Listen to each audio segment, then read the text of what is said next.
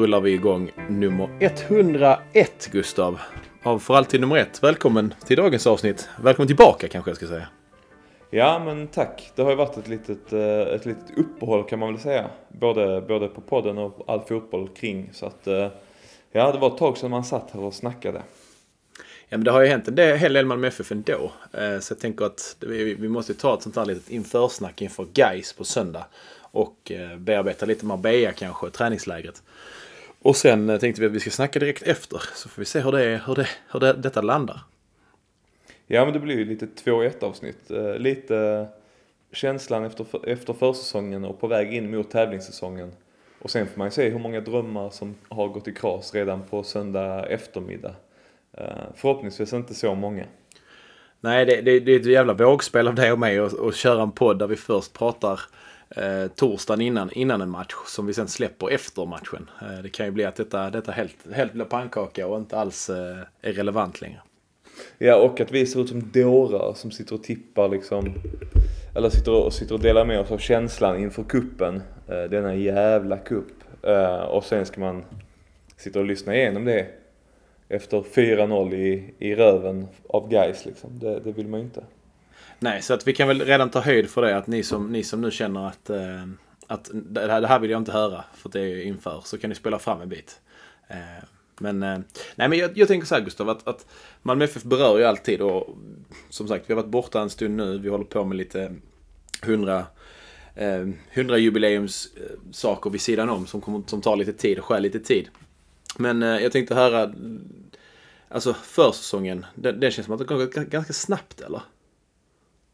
Ja, det är knappt som man har märkt att den har varit igång. Eh, det var ju den första träningen där, sen, sen har man missat allting. Det har, eh, mycket, mycket på matchen som var mot Jammerbuks var liksom en konstig tid där man svårt att komma från, från jobbet i tid och sen när man väl hade slutat så var det bara liksom 17, 16-17-åringar på planen då så man var inte så himla taggad på att gå ner på, på IP liksom.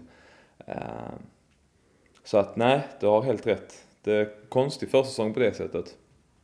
Ja, men och sen känns det också som att Alltså den har, den har, det har knappt hänt någonting. Alltså sen har det ändå hänt saker. Men mer, jag vet inte om det bara är jag, men det, det känns lite som att Malmö FF någonstans bara så.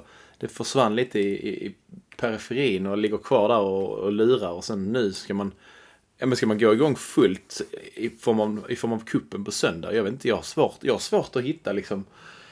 Ja men hitta känslan. Alltså självklart ska jag gå på, på IP på söndag och försöka, försöka hitta den snabbt som fan. Men jag vet fan, det är konstigt. Konstig känsla. Man hade ju behövt en, eh, en träningsmatch på hemmaplan innan kuppen känner jag för att komma in i liksom i personligt eget matchtempo också. Eh, det brukar, det, känslan är att vi ofta brukar ha, något år hade vi Värnamo hemma och fick spö med 3-1 och det brukar alltid vara någonting innan kuppen drar igång. Så att det känns lite annorlunda. Eh, så man, man är ju själv lite ringrostig. Ja, och sen så säger man ju alltid att ett dåligt eh, genrep är, eh, är en bra premiär. Eh, jag vet inte hur mycket det gäller i, i Svenska Cupen. Men den får vi väl ändå anse att det är en premiär av tävling liksom. 2022. Så att med, med det sagt så vet jag inte vad du vill dra för slutsatser av matchen mot, mot nu tappar jag namnet, Krasnodar. Alltså egentligen så he hela det jag har sett från, från träningslägret är ju att ja, vissa saker ser okej ut, andra märker man att det är ganska mycket försäsong. Eh, och framförallt de här slutminuterna när det är liksom mycket byten, hackigt spel, juniorer som, som kommer in och gör några minuter på rätt och fel position och ja, spelare på väg ut från A-laget kanske som, som är på väg att skrämmas bort från klubben på fel positioner. Så att överlag det jag har sett från, från lägret tycker jag har sett helt okej ut faktiskt. Så att jag har ganska goda förväntningar eh, ändå på, eller går in med ganska bra känsla om man, om man tänker rent så. Ja, nej, men och, och jag, det, alltså, mitt starkaste försäsongs liksom, minne är det inte. Men, men eh, starkaste liksom eh, insikten och, och eh, känslan är väl, är väl att jag har hört från folk inifrån klubben att, att Milos är enkel att jobba med eh, och väldigt omtyckt redan liksom av, av, av de som jobbar nära honom. Så att det, det tycker jag känns väldigt positivt. Alltså att vi har en tränare på plats som men som har sin, sin eh, filosofi, sin strategi väldigt klar. och dessutom då kan vara, kan vara omtyckt. Ehm, jag tänker på Ove Rössler som liksom också körde sitt race. Men, ehm, men kanske inte var lika omtyckt. Jag vet inte. Där har jag faktiskt ingen, ingen koll. Men det känns ju i alla fall positivt. Nej men det håller jag helt med om. Eh, det är ju inte där, det är inte där jag är så himla orolig vad gäller den här säsongsinledningen. Det finns ju andra, jag ska inte säga röda flaggor, men gula flaggor i alla fall som flaggas lite här hemma. Eh, och Milos är inte en av dem, utan det är ju mer positioner och nu med Lewicki skadad så är man ju lite osäker på vad som egentligen händer där. Går vi in i säsongen med, med Erdal som defensiv mittfältare jag är inte helt bekväm med det. Jag vet inte vad du känner där. Nej, men alltså både ja och nej. Alltså, jag, jag, jag tänker att Erdal, Erdal kan växa med en sån uppgift och, och, bli, och bli den liksom spelaren som han någonstans med tanke på sina, vad är det, sex, sex guld har han va? Ehm, som han redan liksom har, alltså i, i klubbens liksom, hierarki och status. Men jag tänker att det kräver kanske ännu, ännu en säsong där han, där han är liksom väldigt tongivande och väldigt eh, dominant på sin position. Och det tror jag inte han kan bli när du har Peña AC som ska spela liksom den box-to-box mittfältaren. Ehm, och är då Lewicki lite skadad, Lewicki lite äldre. Ja, det, kanske, det, kanske är, det kanske är ett positionsskifte helt och hållet till, till defensiv mittfältare. Jag vet inte. Jag håller, jag håller dock med dig att känslan inte är hundra. Ehm, men det är väl kanske snarare att Lewicki är borta än att det är Erdal som är tanken som ska spela där. För att det tycker jag är jobbigare. Jag skickade den till dig innan.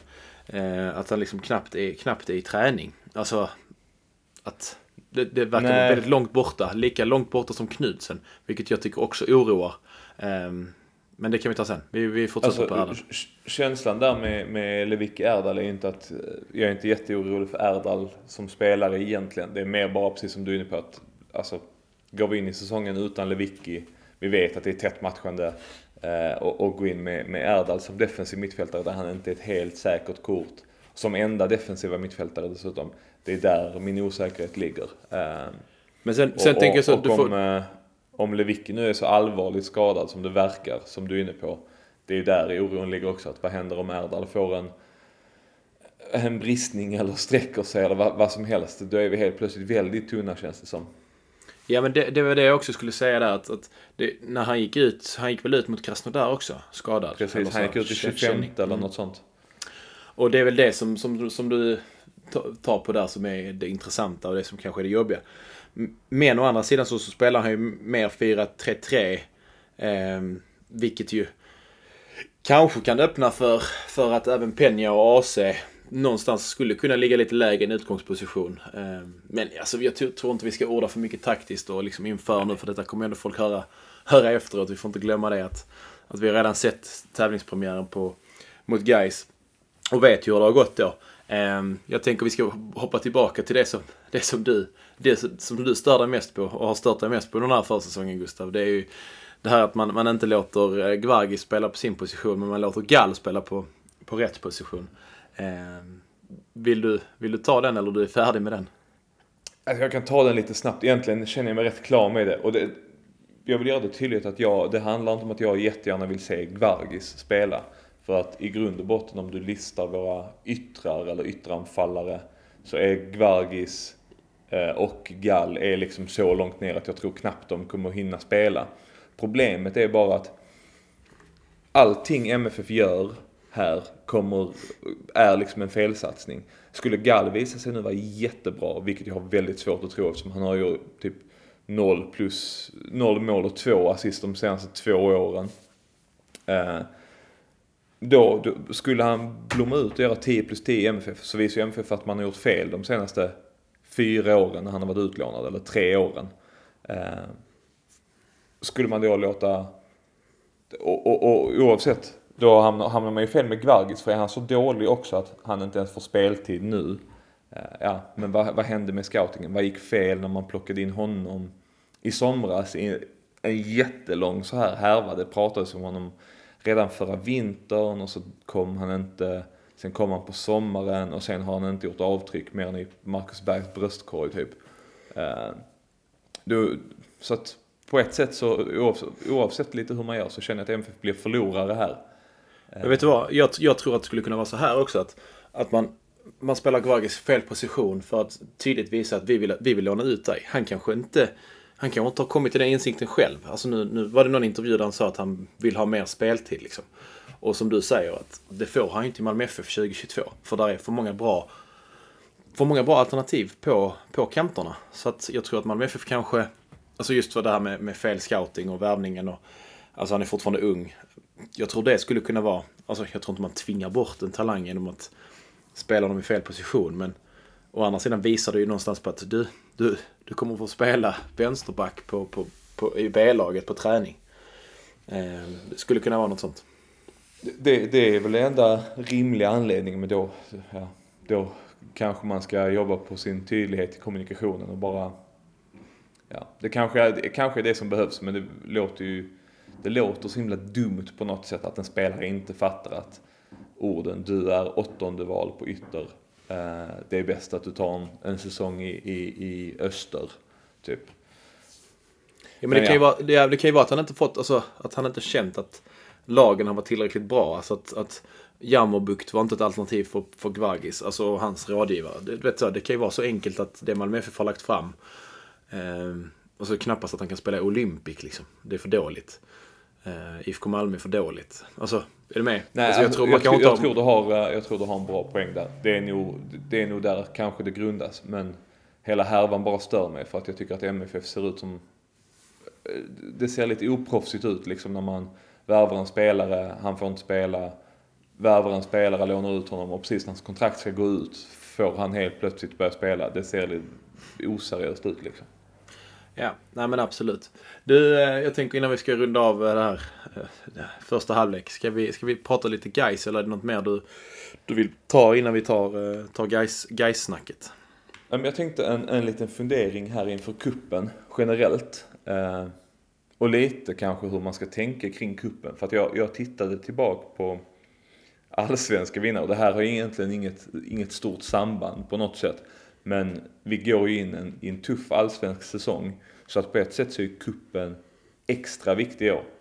För att vinna allsvenskan tre år i rad är väldigt, väldigt få lag som gör.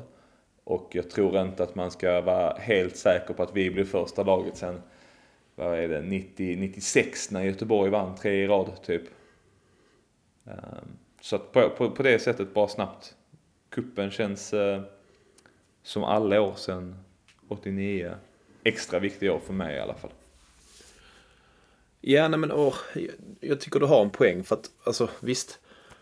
Malmö FF ska alltid vinna och, och Milos är här för att ta guld.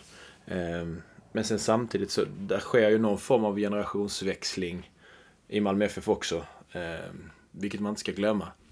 Så att egentligen det jag går in med i kuppen nu, förväntningen, det är att, det är att kanske få se det, det som vi lyftes precis som ett problem med, med med Erdal. Att, att kanske han tar, tar och visar att han är någon, någon att bygga det kring. Eller framförallt då kanske att Edvardsson eh, kan komma in om, eh, om det händer något med, med Rakip. Eller att vi har någon. Vi har inte så många egna produkter kvar känns det som i, i truppen nu när Eile också försvann. För jag hade lite hoppet där att han skulle vara ja, men fjärde mittbacken. Eh, så att man kan, kan titta framåt på den här men delvis generationsväxlingar skulle jag vilja säga med tanke på att Lasse, Sören, Berget, eh, de börjar bli äldre liksom. Johan Dahlin, det är samma sak där. Att det, det är inte många år kvar egentligen. Eh, så att, ja, du, du har en bra poäng. Ska vi ta lite kort om, om Guy specifikt eller eh, vi går in med den klassiska kuppinställningen att antingen så antingen går man in med huvudet högt och tänker att vi kommer vinna allting, nu måste det hända. Det har gått, eh, vet inte hur många år, 33 år, nu händer det. Eller går, går du in med inställningen att ja, det, det, är som vanligt, det är kört, det är förlust och det är tack och adjö. Jag tycker ju någonstans att, att alltså visst, det, det låter ju helt banalt att säga att man inte bryr sig om man vinner. Men nu har vi vunnit allsvenskan så att jag tänker rent Europamässigt är det ju ingen katastrof om vi inte vinner kuppen. Eh, och en titel är en titel och det vill man ju alltid vinna. Men framförallt känner jag att att gå långt i kuppen, alltså att ta sig till semifinal, innebär ju faktiskt alltså, bra träningsmatcher, tävlingsmatcher på försäsongen. Vilket ju är det jag framförallt gillar med kuppen där den ligger, alltså att den ligger så som den ligger. Så att det är väl mer det, att jag vill vinna gruppen, jag vill gå vidare till...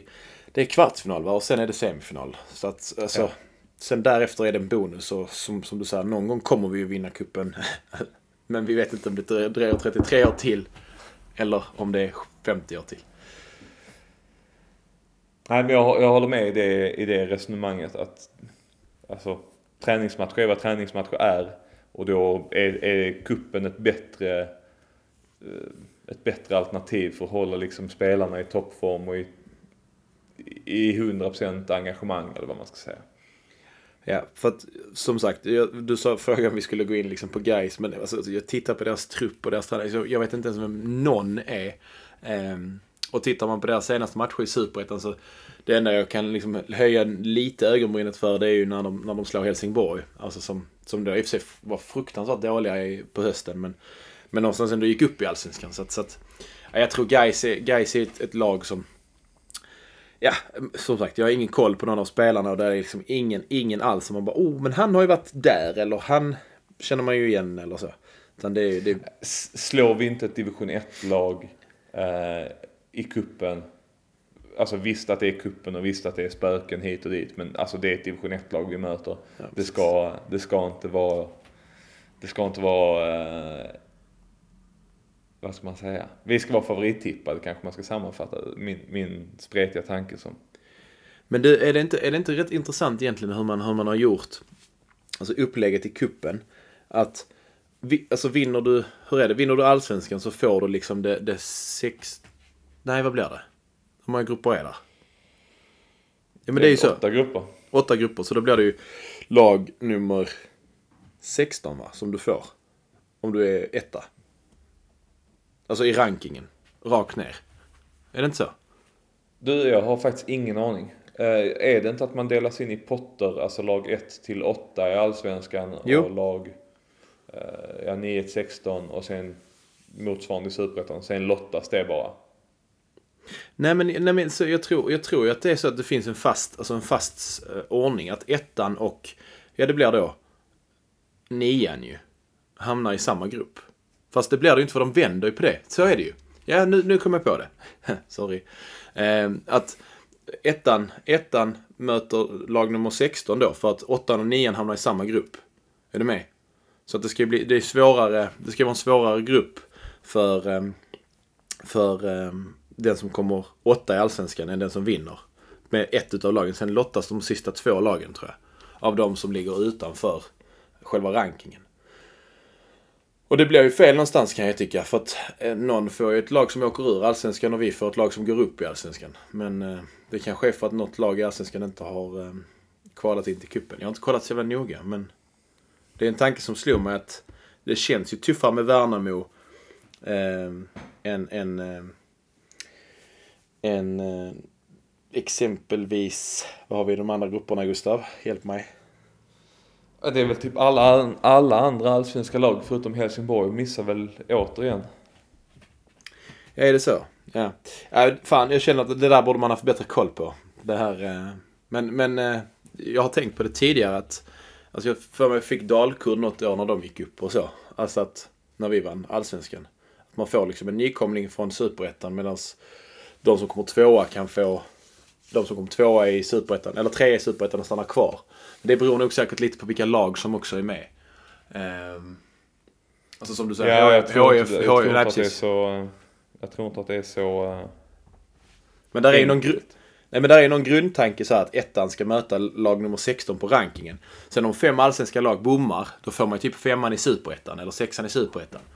Ehm, så är det ju. Så att allting handlar ju om att du skulle fått den som kom sist i allsvenskan, men då har någon i allsvenskan missat eftersom att vi fick ettan ifrån superettan. Är du med på vad jag tänker?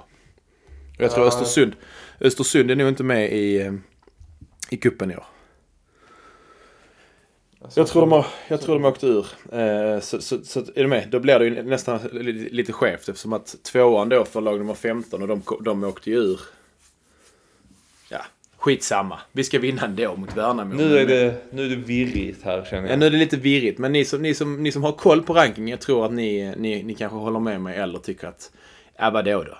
Som vi säger i Malmö. Men eh, vi hörs ju snart igen efter matchen mot Gais så får vi se hur, hur det gick. Det ska bli ball att göra så här Gustav. Ja, det är spännande. Nytt... Uh... Så vi hoppar rakt in, vi hoppar rakt in i framtiden helt enkelt. De har inte det vi har. Vi har allt. De har inte allt. Enkelt. Nu här nu. Vi tar, vi, Gustav, vi tar den på volley. En Birmancevic-volley. Ja. Eller en Malik-volley om jag ska dra det. Ja. ja. Ska vi börja prata om hans vader? De såg man. De var fina idag. Från bortaläktaren höll jag på att säga. Från kortsidan. Från kortsidan, ja. Ja men eh, hej och välkomna tillbaka till del två av avsnitt 101. Ni har inte, ni hör kanske inte att vi är tillsammans tre dagar sedan vi satt senast på, på varsitt håll och spelade in men nu sitter vi här en uh, timme efter MFF Guys efter en stabil 5-1 seger. Uh, lite trist att behöva säga ettan där känner jag men... Uh... Och det, och det, jag tycker det är trist att säga att det är en timme. Det är knappt en timme. Det är bara några minuter. Ja, ja det är max en halvtimme. Max en halvtimme. Vi, vi gick direkt hit. Nej men, men som du säger, tråkigt att släppa in mål. Men å andra sidan väldigt skönt att få den, eh, men framförallt islossningen på Birmancevic. Den är ju kanske det bästa att ta med sig från, från IP idag. Ja, och den islossningen, den dödade ju hela matchen. Alltså efter 3-0 målet så är matchen helt, den är slut. Det är ju, vad är det, 19 intensiva minuter och sen är det, ja, 70 tråkiga, långsamma, kalla och blöta minuter i väntan på slutsignalen. Så... Uh... Men, men ska, vi börja, ska vi börja den änden, alltså det här, folks inställning till det här? Alltså vet du, att folk inte pallar gå egentligen och inte vill och man läser det ena och det andra och det tredje att kuppen jag skiter i den och... Jag, vet, jag tycker det är ganska tradigt. Alltså jag, mm. jag, tyckte, jag tyckte det var nice. Jag tog tåget in idag, såg lite blåa halsdukar på, på, på vägen in liksom. Tar den här lilla korta promenaden från Triangeln. Och bara kände ändå någonstans att äntligen. Sen klart, ja det är kallt. Ja det är att kuppen inte är vad man kanske vill måla upp den till att den borde vara. Om man tänker FA-cupen i England eller vad man har för preferens när man säger att alltså kuppens upplägg inte är bra. För det är väl klart som tusan det här är bra. Ja, alltså det, det är ju någonstans det här man, man älskar. Man, vi, vi pratar ju om att Europaäventyret kan vara tråkigt för att vi möter liksom Juventus och Chelsea i avslagna matcher på, på ett annat sätt.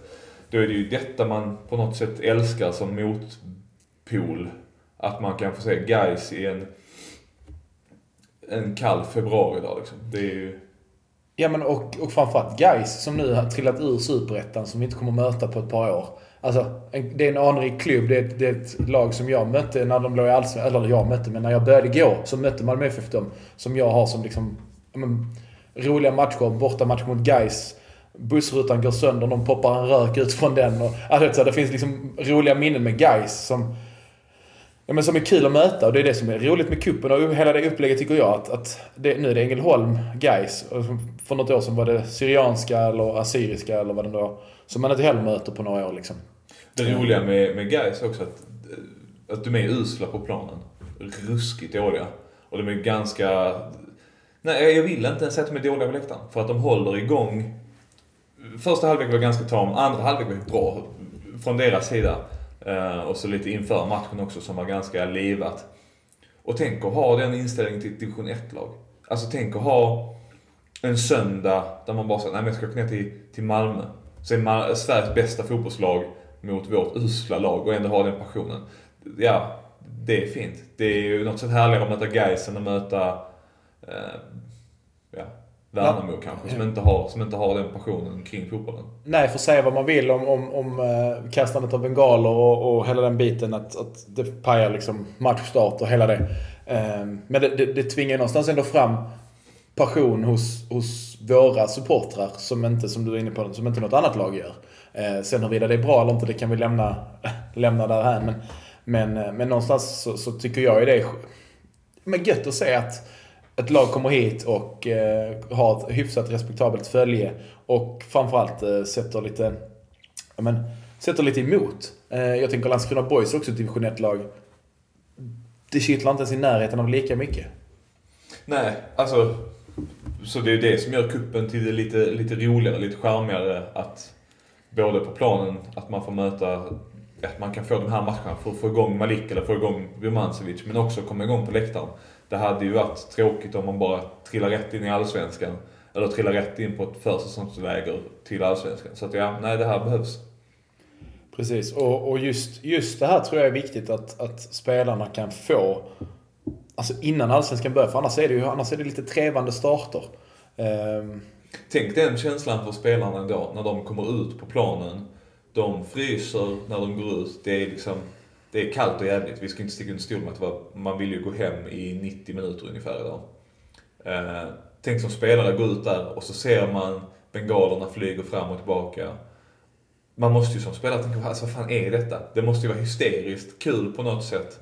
Eh, som sagt, vi behöver inte uppmuntra till bengalkastande, men samtidigt, det bidrar nog också till spelarna att de får en helt annan inställning till matchen och till, till, till eh, ja, kuppen på ett sätt. Ja, men vi, kan, vi kan inte uppmuntra till annat än att passioner och känslor är fantastiskt. Sen är det klart som, som tusan att, att det kan vara farligt och hela den biten att det absolut inte är någonting man, man ska uppmuntra till. Men sen samtidigt så, så vill inte jag sitta här och säga att de känslorna och de, de sakerna är negativa och dåliga. Eh, för känslor är känslor. Om någon skriker könsord på, på linjedomaren så är inte det heller någonting jag uppmuntrar till. Men jag kan samtidigt liksom se bortom det och se charmen i det. Eh, och jag vill inte dra någon annan parallell, men jag tänker Birmancevic kanske såg bengaltennisen och tänkte nu ska jag också vara, jag ska också vara show som de är på läktaren. Han är ju ändå från, från Balkan och eh, det är väl kanske lite annat, annat stik där nere, jag vet inte. Ja, men han, han, var väl inne på det i någon intervju i Expressen förra året, typ att så här, bengaler och bengaltennis är inget konstigt för han hade spelat eh, i Partisan och var Röda Stjärnan-supporter. Det var liksom vardag. Det var vardagsmat där. Det var inget konstigt. Så att Ja, på ett sätt så trivs han väl i den miljön. Eller uppenbarligen gjorde han det för att han, han gick in första 20 och ja, han visar väl upp det precis det man vill se av han i år. Att han kan gå in och bara dominera och köra och stänga en match på ja, tre halvchanser. Ja, fan, fantastisk, alltså fantastiska mål, fantastiska insatser och också det här kombinationsspelet som man älskar att se som, som, eh, som MFF. Jag sa till dig att, att gillade inledningen när vi sätter lite, lite raka, lite långa. Trycker ner guys lite med dem. Eh, fick man inte se en enda gång nästan under Jon Dahl Tomasson utan det var... Det var lite befriande att, att någonstans ändå se att okej, okay, vi spelar lite rakt, ska göra ett mål och sen därefter kan man börja, börja liksom lira ut. Eh, så jag tyckte det var någonstans en vacker, en vacker bild. Som, när jag, klev, jag klev precis in till hymnen. Jag, som sagt tog tåget in, klev in precis till hymnen och eh, då var det liksom fullt pyro på vår läktare med, med en stor banderoll. Eh, ska vår längtan ta slut i år. Sen hade Gais en liten, liten miniflagga med Vinn kuppa-jäveln och en bengal innan de brände lite fler därefter. Eh, det var också lite så division 1 mot, mot allsvenskan och, och mesta mästarna. Det var en härlig, härlig bild som mötte en där. Eh, innan matchen han, han drar igång. Ja men eh, sen, sen så är det ju, man märker ju på ett sätt att det är försäsong. För att man kommer ju tre minuter innan matchen börjar, man sitter på Möllan och det är ganska tomt och man hör folk säga att men vi kanske ska skita i det, det är så dåligt väder. Uh, vi var inne på det också. Att det hade varit, det hade varit skönt att sitta i soffan. Man har blivit bekväm de här två coronaåren på bara kunna sitta i soffan och kolla på fotboll och, och njuta och liksom slippa frysa. Men det hör ju till som supporter. Det ska ju vara blött och jävligt och, och man ska ju lida på läktaren. Ja men och sen samtidigt som, som, som vi var inne på precis det här. Det var ju det här vi ville se. Att någonstans laget går igång på samma sätt som supportrarna. Och, och det här med sång. Och det, det får du inte i tv-soffan. Som, som, som, du säger, att rent när man ser fotbollsmässigt så såg jag ju den här matchen alltså från en kortsida, ute vid hörnet. Ganska platt, eh, ganska rakt, rakt mot planen. Precis. Inte, inte så mycket uppifrån heller. Så att jag kan inte sitta och säga att jag har, jag har superkoll på hur spelet ser ut och löpningar och så. Eftersom att du inte har samma perspektiv som på en TV. Alltså TV-bild. Så att den, om man kan kalla det upplevelsen eller den känslan är ju är man ju bortskämd med nu efter två coronaår när man har sett det mesta på TV och därifrån fått bygga sina känslor och sina, sina utlopp. Men sen samtidigt menar, få stå och skrika och försöka fortsätta mesta, äh, mesta, mesta, mesta ramsan till kuppaguld. Så pallar, efter, pallar inte mer än två. Så ni som hörde och stod där på kortsidan, ni, ni, får, äh, ni får fan hjälpa mig nästa gång. Men, eh, eh, vi, vi kanske ska ta oss lite till matchen. Vi har ändå varit igång här ett par minuter och det ska inte bli för långt med tanke på att vi har en första halv också. Uh, du, jag tycker du var inne på en fin grej där med det här kombinationsspelet man såg. Det var ju en sekvens med Martin Olsson och Birmancevic, tror jag, bara de två i första halvlek som var... Jag blev imponerad för att vara liksom februari-typ eh, försäsongstempo fortfarande och kanske inte toppmotstånd men det, det, det spelet mot vilken allsvensk backlinje som helst och du, du glider igenom på samma sätt. Och det är precis det man vill ska ske. Man vill att självförtroendet ska komma de här matcherna. Det är ett par andra spelare som ska lyftas fram som gjorde självförtroende aktioner. Framförallt var det ju Hugo Larssons eh, lyftning över någon spelare i andra halvlek här som var helt otrolig. Det är precis det också som kuppen ska vara till för. att Lite puls, lite äkta, äkta känslor i matcherna. Det var ju någon duell som, som såg ut att göra rätt ont här och där liksom. Och det, är- det är ju exakt så.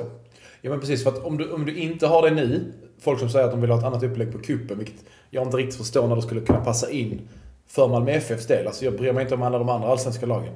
Utan för vår del går det ju inte eftersom vi, vi, vi, vi abonnerar i princip på en Europaplats och spelar många, många omgångar i Europa. Skulle vi lägga in ytterligare någon match, liksom vår och höst, när allsvenskan är igång. Det faller på sin egen orimlighet. Ehm, men just den här att, att du får igång spelare, att du får igång en tändning i februari, gör ju någonstans att, att när allsvenska starten kommer i april så är ju startsträckan, den är oerhört kort, ska vara oerhört kort. Och jag menar, det vet vi. Förra året tjatades det om att vi vann på målskillnad, att vi inte dominerar så mycket som vi ska göra. Du vet, hela det, hela det synsättet. Eh, vilket ju då innebär att vi, vi har ju en, vi har inte råd att tappa mark tidigt. För då, då vinner vi inte allsvenskan. Eftersom att vi alltid slåss på två fronter. Nej, så är det. Och, och ja, som vi var inne på tidigare här så där blir kuppen också viktig för att om allsvenskan nu skulle bli... Ja, det blir mycket. Det är tre år i rad om vi ska vinna guld. Det är Europaspel som ska, som ska planeras till det. Så krävs det ju bra insats i kuppen också.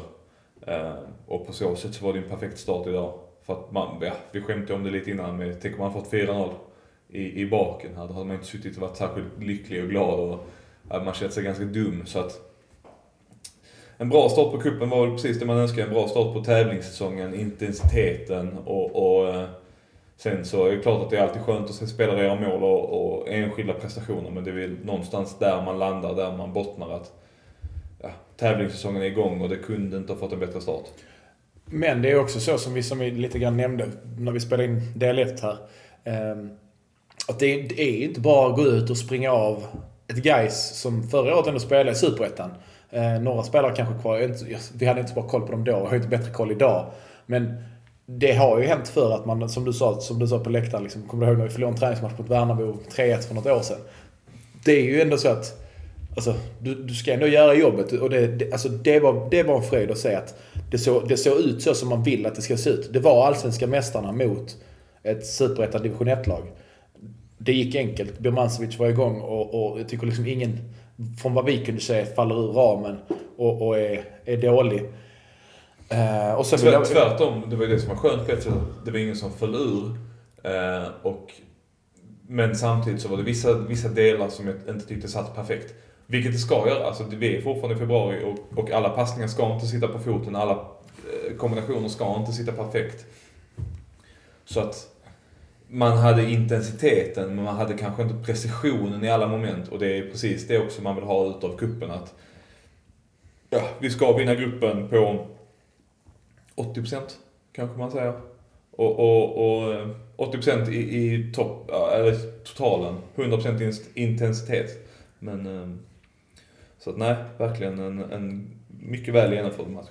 och sen så är det så också, menar, vinna kuppen absolut, det vill vi göra för att det är en titel. Men som vi pratade om i förra, förra delen här.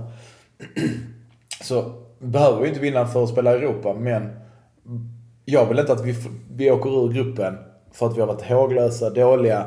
Alltså, jag menar, vinner, vinner Värnamo mot oss till exempel och, och, och de går vidare, fine, då har jag inga problem. Då är vi ute.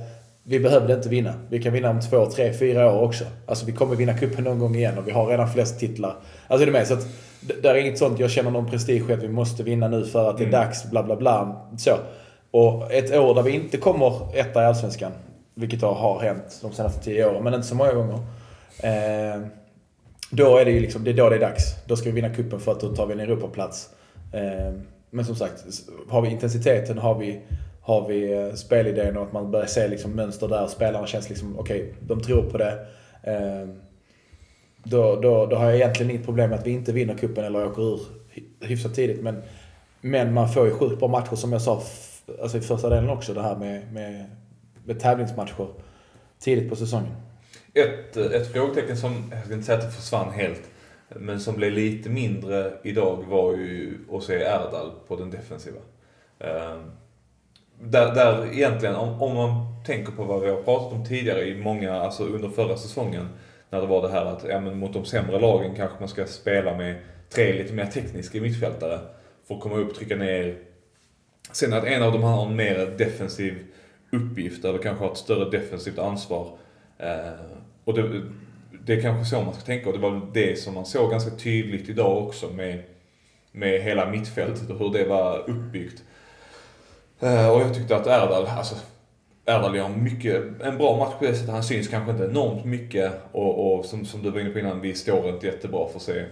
Vi ser inte alla dueller, vi ser inte alla passningar och vi ser inte så. Men jag tycker han har blivit han, han har blivit bättre, han tar ett stort jobb kant till kant. Uh, inte bara långsida, kortsida till kortsida, utan långsida till långsida. Och täcker upp när Bejmo går upp och täcker upp när Martin Olsson går upp. Uh, så det känns lite tryggare där faktiskt, ska jag vara, ska jag vara ärlig och säga. Det har blivit mindre frågetecknet.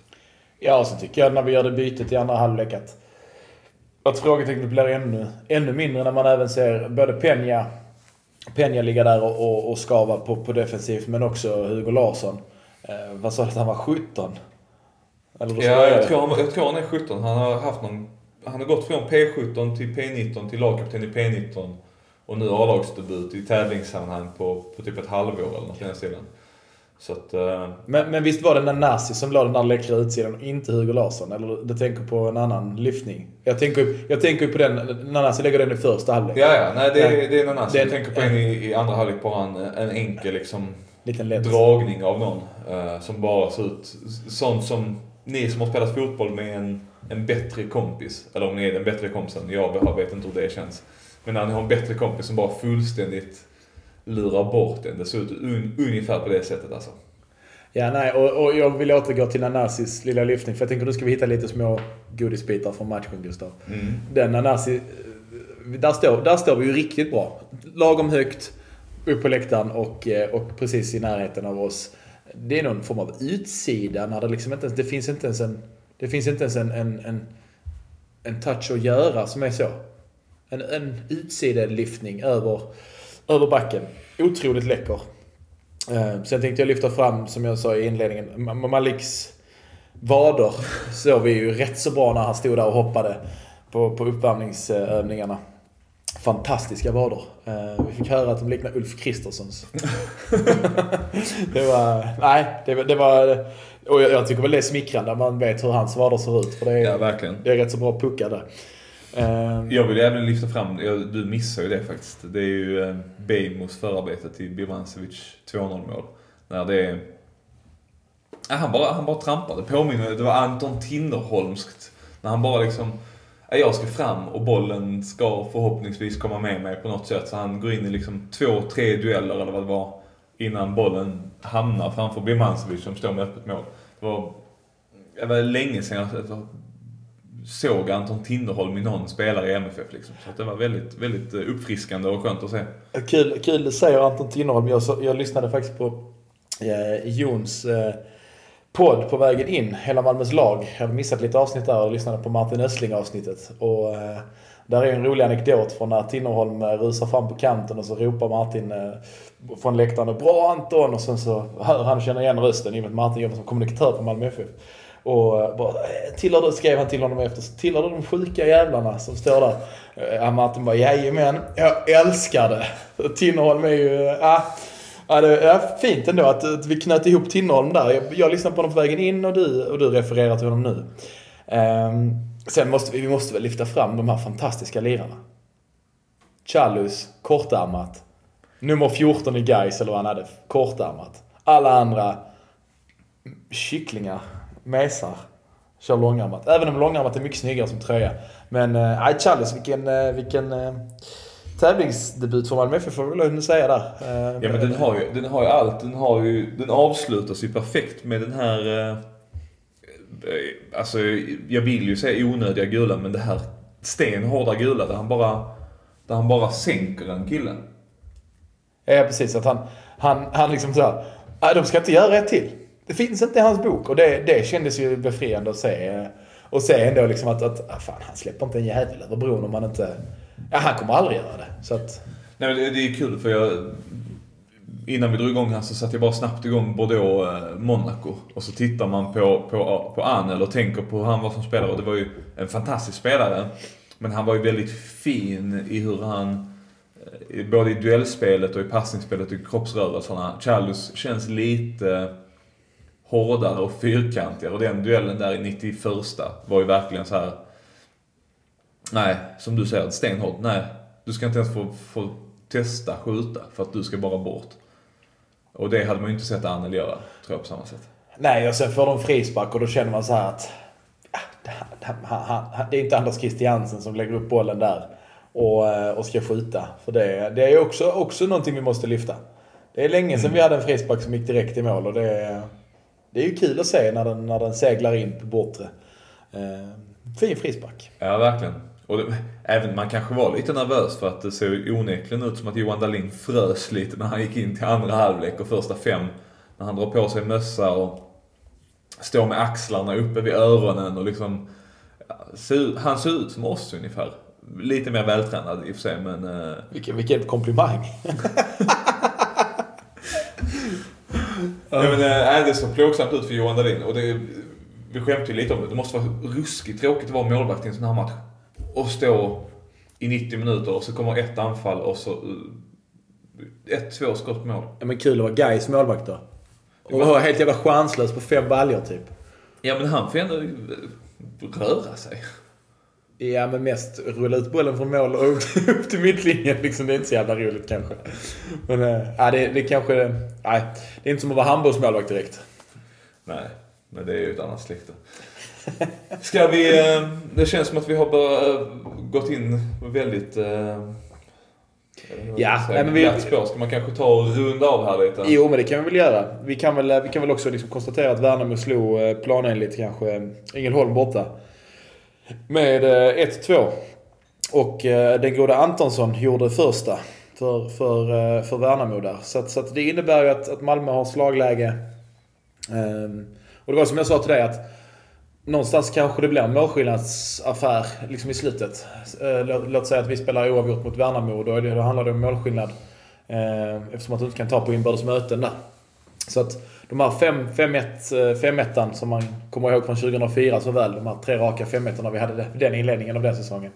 Eh, Förvisso i Allsvenskan men det, det, det var bra, tycker jag. För att eh, nu är det ju lite så upp till, upp till Värnamo och, och ehm, matcha det mot Gais och sen att vi behöver matcha en, enbart 2-1 mot, mot Ängelholm ska väl, eh, ska väl gå an. Men... Eh, ja, ja, nej, jag vet inte om jag ska... Jag behöver kanske inte orda så mycket om, om min eh, lilla fadäs när jag eh, gjorde med rankingen och det jag hade för, för mig förra gången. Men det var mer det att det kändes ju... Då kändes det konstigt att vi skulle få ett lag som precis gick upp i Allsvenskan medan då typ AIK får Örebro, va? Om jag inte är helt ute och cyklar. Som då åker ur Allsvenskan. Men å andra sidan fick vi ju när de lottade det 16 bästa laget och de fick det 15 bästa laget. Så att man får väl helt enkelt köpa det och sen därefter är det bara lottning. Du skulle kunna få då lag 17-18 i, i din grupp och du kan få liksom, vad blir det, 30-32 eller alltså. Så, du kan ju ha tur med lottningen och otur med lottningen också. Så att, för er som då har hört det och tänkt att vad fan sysslar han med där? Så vet jag knappt själv då. Men eh, skyller på att det var torsdag, torsdag kväll eller något sånt. Men eh, innan vi rundar av så kom jag på att en sak måste vi faktiskt lyfta som, som är en väldigt rolig MFF-nyhet som är bekräftande på något sätt att MFF har gjort något väldigt bra. Och det är att eh, Martina Suttelo blir uttagen. Alla, vet, alla som har lyssnat på den här podden vet ju verkligen vem det är. Hon blev uttagen i Kroatiens landslag eh, häromdagen. Ska möta Slovenien tror jag. Och det är ju ändå ett... Det är ett jävligt roligt bevis på att MFF-satsning går bra. Och att vi har bra spelare. Det var ny för mig, så det var ju sjukt fräckt ju.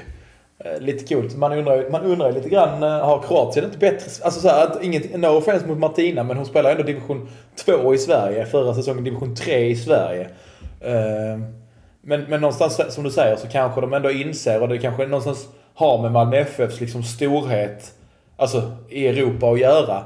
För att den pucken kommer vi behandla i kommande avsnitt vet jag.